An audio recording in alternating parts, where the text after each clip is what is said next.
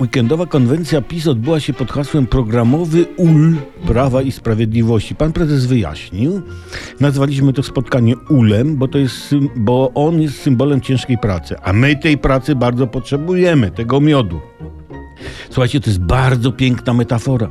Wyobraźmy sobie, że ten ul to Polska. Pan prezes jest pierwszym pszczelarzem Rzeczpospolitej, tu nie będzie niespodzianki polskiej. I w tym ulu ciężko pracują pszczółki robotnice. To my.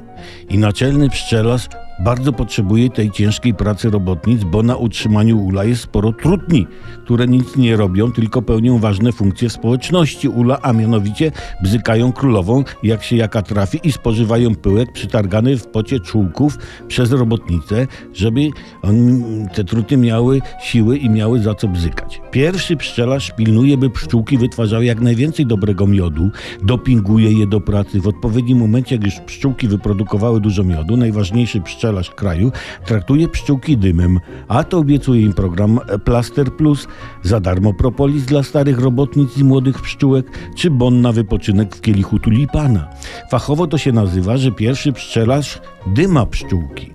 I następnie zabiera pszczółkom miód, przelewa do słoików i mówi ulowi, patrzcie ile mamy miodu i zostawia im w ulu miodu tyle, żeby nie zdechły.